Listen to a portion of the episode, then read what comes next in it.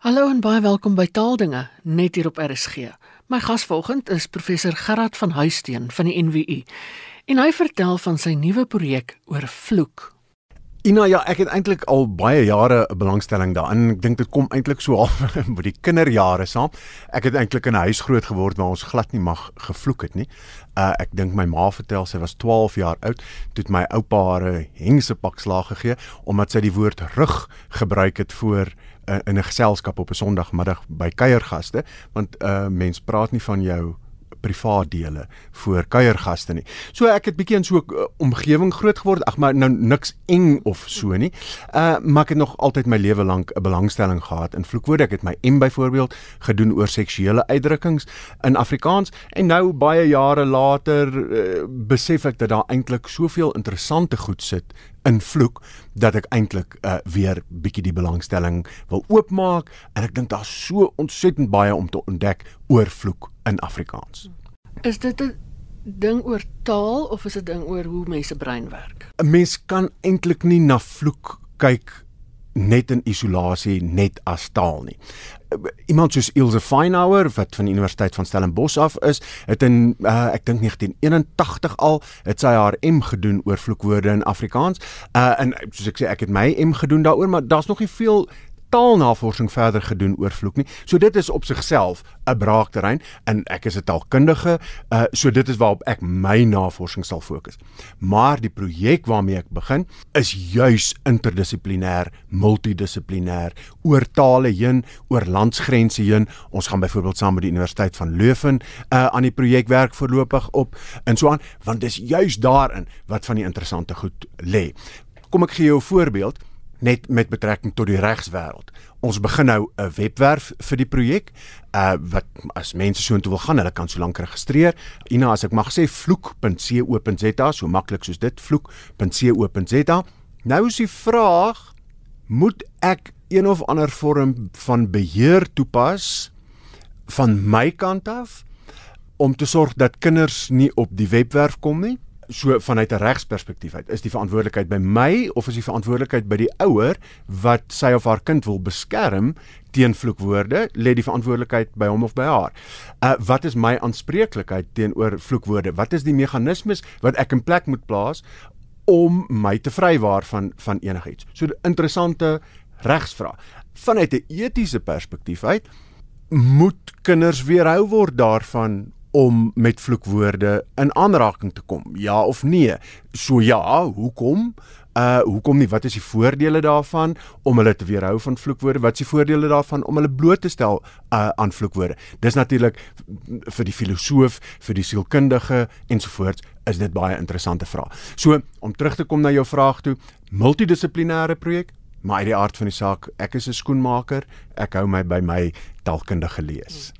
Jy het ook gesê daar samewerking met die Nederlanders. Nou, ehm um, baie woorde wat aan ons albei bekend is, ek bedoel aan ons albei tale bekend is, word totaal verskillend verstaan. Kan jy 'n bietjie verduidelik daaroor? Kom ons probeer dit netjies hou hier op 'n Sondagoggend. Uh Ina, ek uh daar's natuurlik 'n klomp bekendes daarvan waaroor mense lekker lag en so aan, maar 'n bekende een wat daarom hopelik nie so rof is nie, is die woord neuk, nê nee, wat by ons gewoon beteken slaan.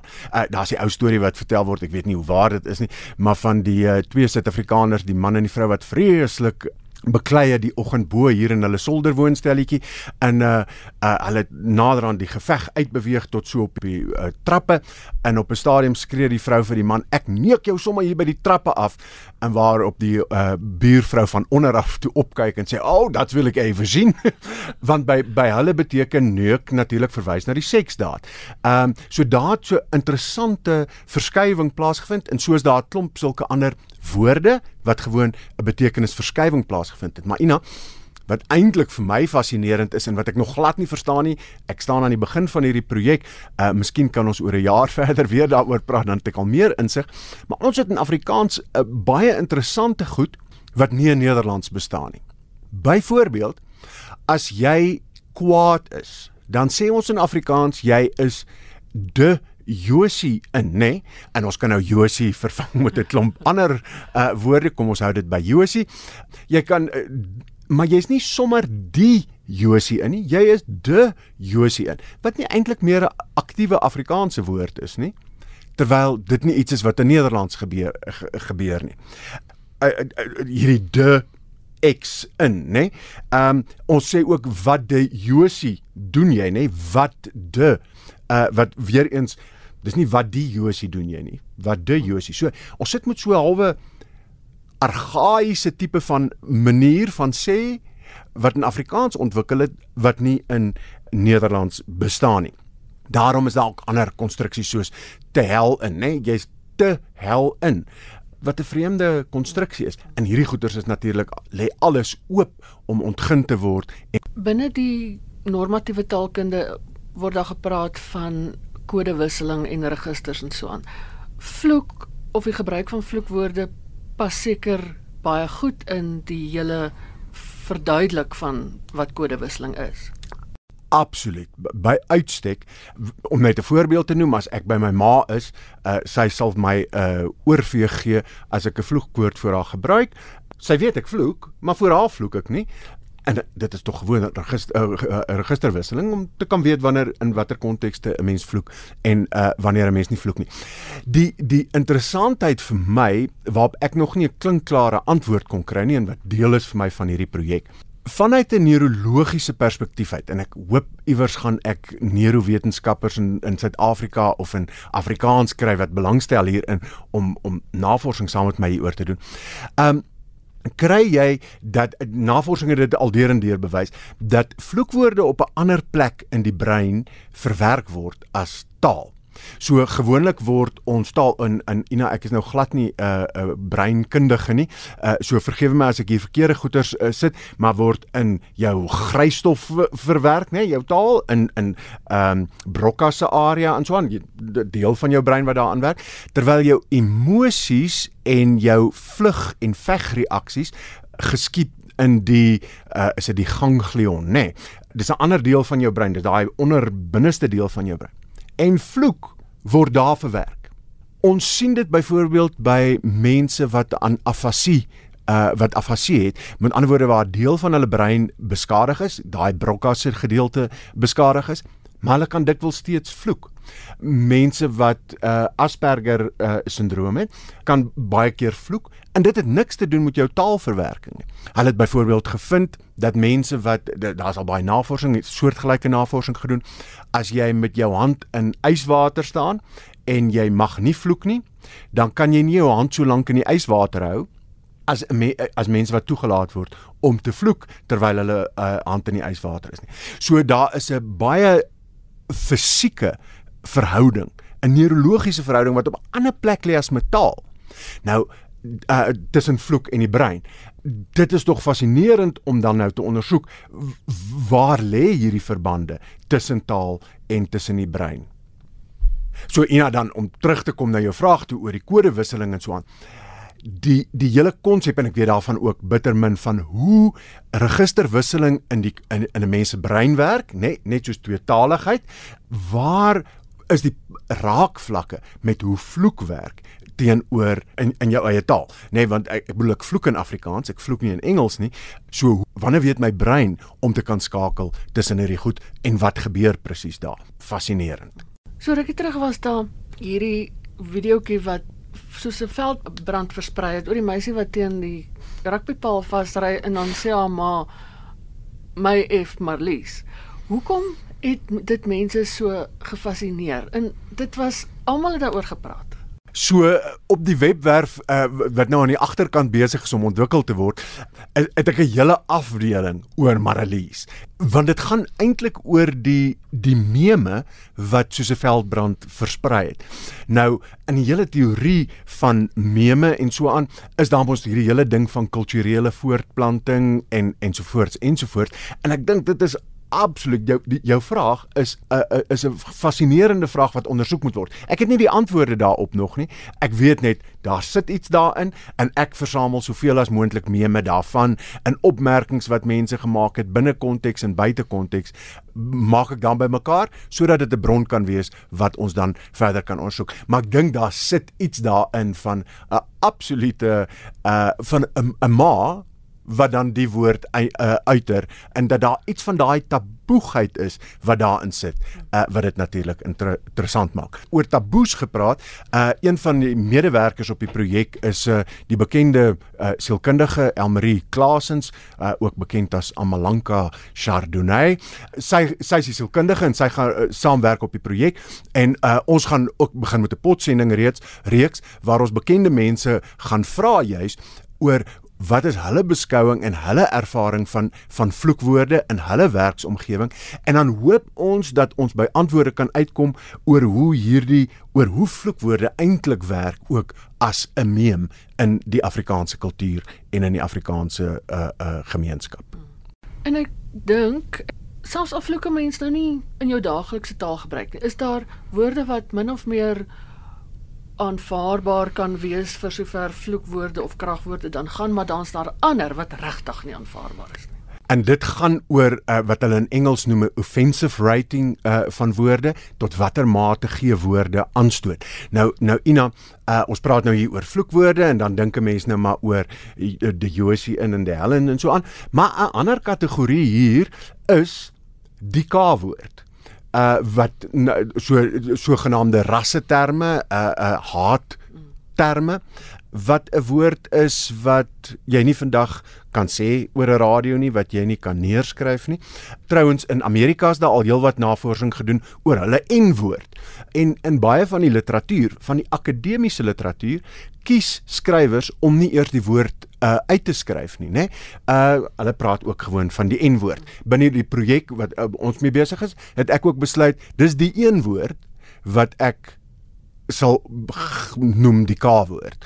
Terwyl die ander woorde is is ek bereid om te sê, maar daai woord dink ek het in ons gemeenskap so ongelooflike taboewaarde gekry want dit is ook dan nou eintlik 'n verbode woord, nê. Nee, uh dis amper soos nazisme uh in in in Duitsland. En daai ehm um, uh, taboegheid van sulke tipe van woorde is natuurlik baie interessant om dan ook te ondersoek vanuit ander taalperspektiewe. Uh van die Zulu woorde wat byvoorbeeld gebruik word om uh wit mense of Afrikaanse mense mee te benoem tot watter mate het dit dieselfde krag en dieselfde taboewaarde in daai kulture as wat die K-woord in ons eie kultuur het, nê. Nee, so so dit weer eens vanuit verskillende perspektiewe kan 'n mens na hierdie taboegheid van woorde kyk. Dink jy daar's 'n verskil in hoe mans en vrouens na vloek kyk of dit selfs gebruik? Ina, ja, ek dink dit is ook ek kan nie wag om my hande vuil te maak hiermee nie. Net twee aspekte hiervan. Wie dink jy ek kan nou net oor Engels praat want ek het nog net Engelse navorsing hieroor gelees, uh, in spesifiek Amerikaanse navorsing hieroor gelees. Wie dink jy vloek die meeste mans of vrouens? Ek dink my eerste reaksie sou wees om te sê mans, maar dis noodwendig waar. Die navorsing wat ek gelees het wys dat daar geen onderskeid is nie. Dis daar's een stadium uh, wat dit wel anders is. Op een stadium vloek uh vrouens meer as mans en dis tussen die ouderdom van 3 en 4. Jy kan dit nie glo nie. Jy kan dit nie glo nie, né? Daarna steek seentjies, dogtertjies ver verby en dan later in die proses normaliseer dit uh eintlik. So uh, gewoon fascinerend om te kyk na vloektaalverwerwing, nê? Nee? As wanneer verwerf mense vloektaal? Ja, eh, vreemde taalverwerwing. Nou ek weet nie of jy al Sweeds, Deens uh of so iets geleer het nie, maar uh, dit is gewoon 'n feit soos 'n koei. As mense vreemde tale aanleer is van die eerste woorde wat hulle aanleer is die vloekwoorde in daai taal. Uh daar's ook navorsing wat bewys dit is makliker om vloekwoorde te onthou, juis weer terug na ons ganglia, uh want dit is deel van waar jou geheue sentrum uh van jou brein sit, né? Nee? So dis makliker toeganklik om hierdie vloekwoorde te onthou. Terug na mans en vrouens. Die ander interessante aspek is hoe vloekwoorde die magsverhouding in in verhoudings bepaal. Dit is dikwels so dat in wanneer vreemde mense mekaar ontmoet, die persoon wat die oppergesag het, kan ek nou maar sê wat in die hiërargie aan die boepunt is, is die een wat eerste sal vloek in vreemde geselskap. Uh dis die een wat sê nou maar die meeste selfvertroue het in die gesprek, dis die een wat die meeste kennis het, die meeste geld het, die meeste wat ook al het, is daai een wat aantoon dit is in die haak om te vloek. Navorsing het bewys dat dit bitter selde vroue is wat daardie stap eers neem. En die vraag is is dit besig om te verander? want dit is eintlik dus nog 'n teken van dat mans die oorhand het oor in in gesprekke nê. Nee. Uh, is dit iets wat besig is om te verander?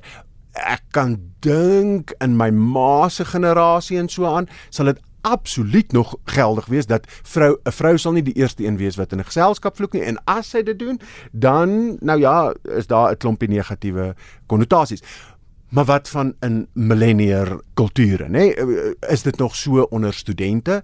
Sit jy met daai selfde uh magsverhoudinge en daai selfde balans? Dit moet ons ondersoek en ek kan nie wag om dit te doen nie.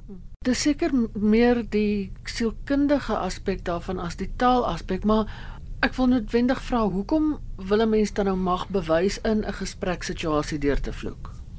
So Ina, taal soos eintlik enige sosiale interaksie en taal is maar eintlik net 'n simptoom daarvan is maar net 'n instrument daarmee maar sosiale interaksie gaan voortdurend oor hierdie magsverhouding tussen mense en hoe dit verskuif, hoe dit verander en so aan. En ons taalgebruik is maar net 'n manier hoe ons daardie sosiale verhoudinge struktureer, aanpas in rigtings stuur. So ek dink dit gaan meer oor 'n natuurlike menslike instink en vermoë om hiërargie te skep in in sosiale kontekste. Uh, in taal word maar net een van die maniere waarmee ons dit doen. En en daarom is vloek dis maar een van daai maniere om dit te doen. Dink maar aan 'n ander een, nê, die aanspreekforme byvoorbeeld. Die verskil tussen om iemand te u of te jy en jou, deur iemand te meneer, mevrou, mevrou, me teenoor oom en tannie, nê, teenoor om iemand op hulle voorname te doen. Dis maar presies eintlik dieselfde manier hoe ons taal gebruik om daardie sosiale hiërargie daar te stel. En soos vloekwoorde ook een van daai goed. Ehm uh, slang byvoorbeeld is 'n ander ene. Uh hier waar ek nou meer formeel met jou uh, oor die radio praat, gebruik ek min slang as ek by my huis is dan gebruik ek baie meer slang. Uh, dit gaan oor daardie posisionering van jouself binne 'n bepaalde gemeenskap. En dis 'n absolute natuurlike proses en daar is niks gemaaks, daar's niks kunsmatigs daaraan om daardie skuwe te kan maak nie. Dis juis problematies as mense nie daardie skuwe kan maak nie. As jy uh voor die regbank uitbars en jy vloek, uh dan is dit minder gepas, nê? Uh en op daai manier uh, wys jy wat jou posisie in daardie uh sosiale konteks is. Aansluitend by wat jy nou net gesê het, daai keuse wat 'n mens maak om te vloek of nie te vloek nie, is dit 'n vorm van selfsensuur? Absoluut absoluut. En en dis vir my fascinerend wat wat ek verstaan nog nie die ding van selfsensuur nie. Dis juis wat ek en Elmarie met die potsendings wil doen is om by skrywers en kunstenaars te hoor uh, wat se selfsensuur pas hulle toe. Jy weet, selfsensuur dink ek is so 'n natuurlike ding. Ons almal kan dit doen op een of ander manier. In Suid-Afrika se geskiedenis het ons natuurlik selfsensuur verhef ook tot 'n uh, wet, nê? Nee? En toe ons baie streng sensuur uh wette gehad. Ek dink maar 'n boek soos uh Magersfontein o Magersfontein of Kennis van die aand wat verbied is. Uh Magersfontein uh spesifiek sê die verslag as gevolg van die taalgebruik. Nie noodwendig die tematiek en so aan nie, maar as gevolg van die taalgebruik is die boek verban.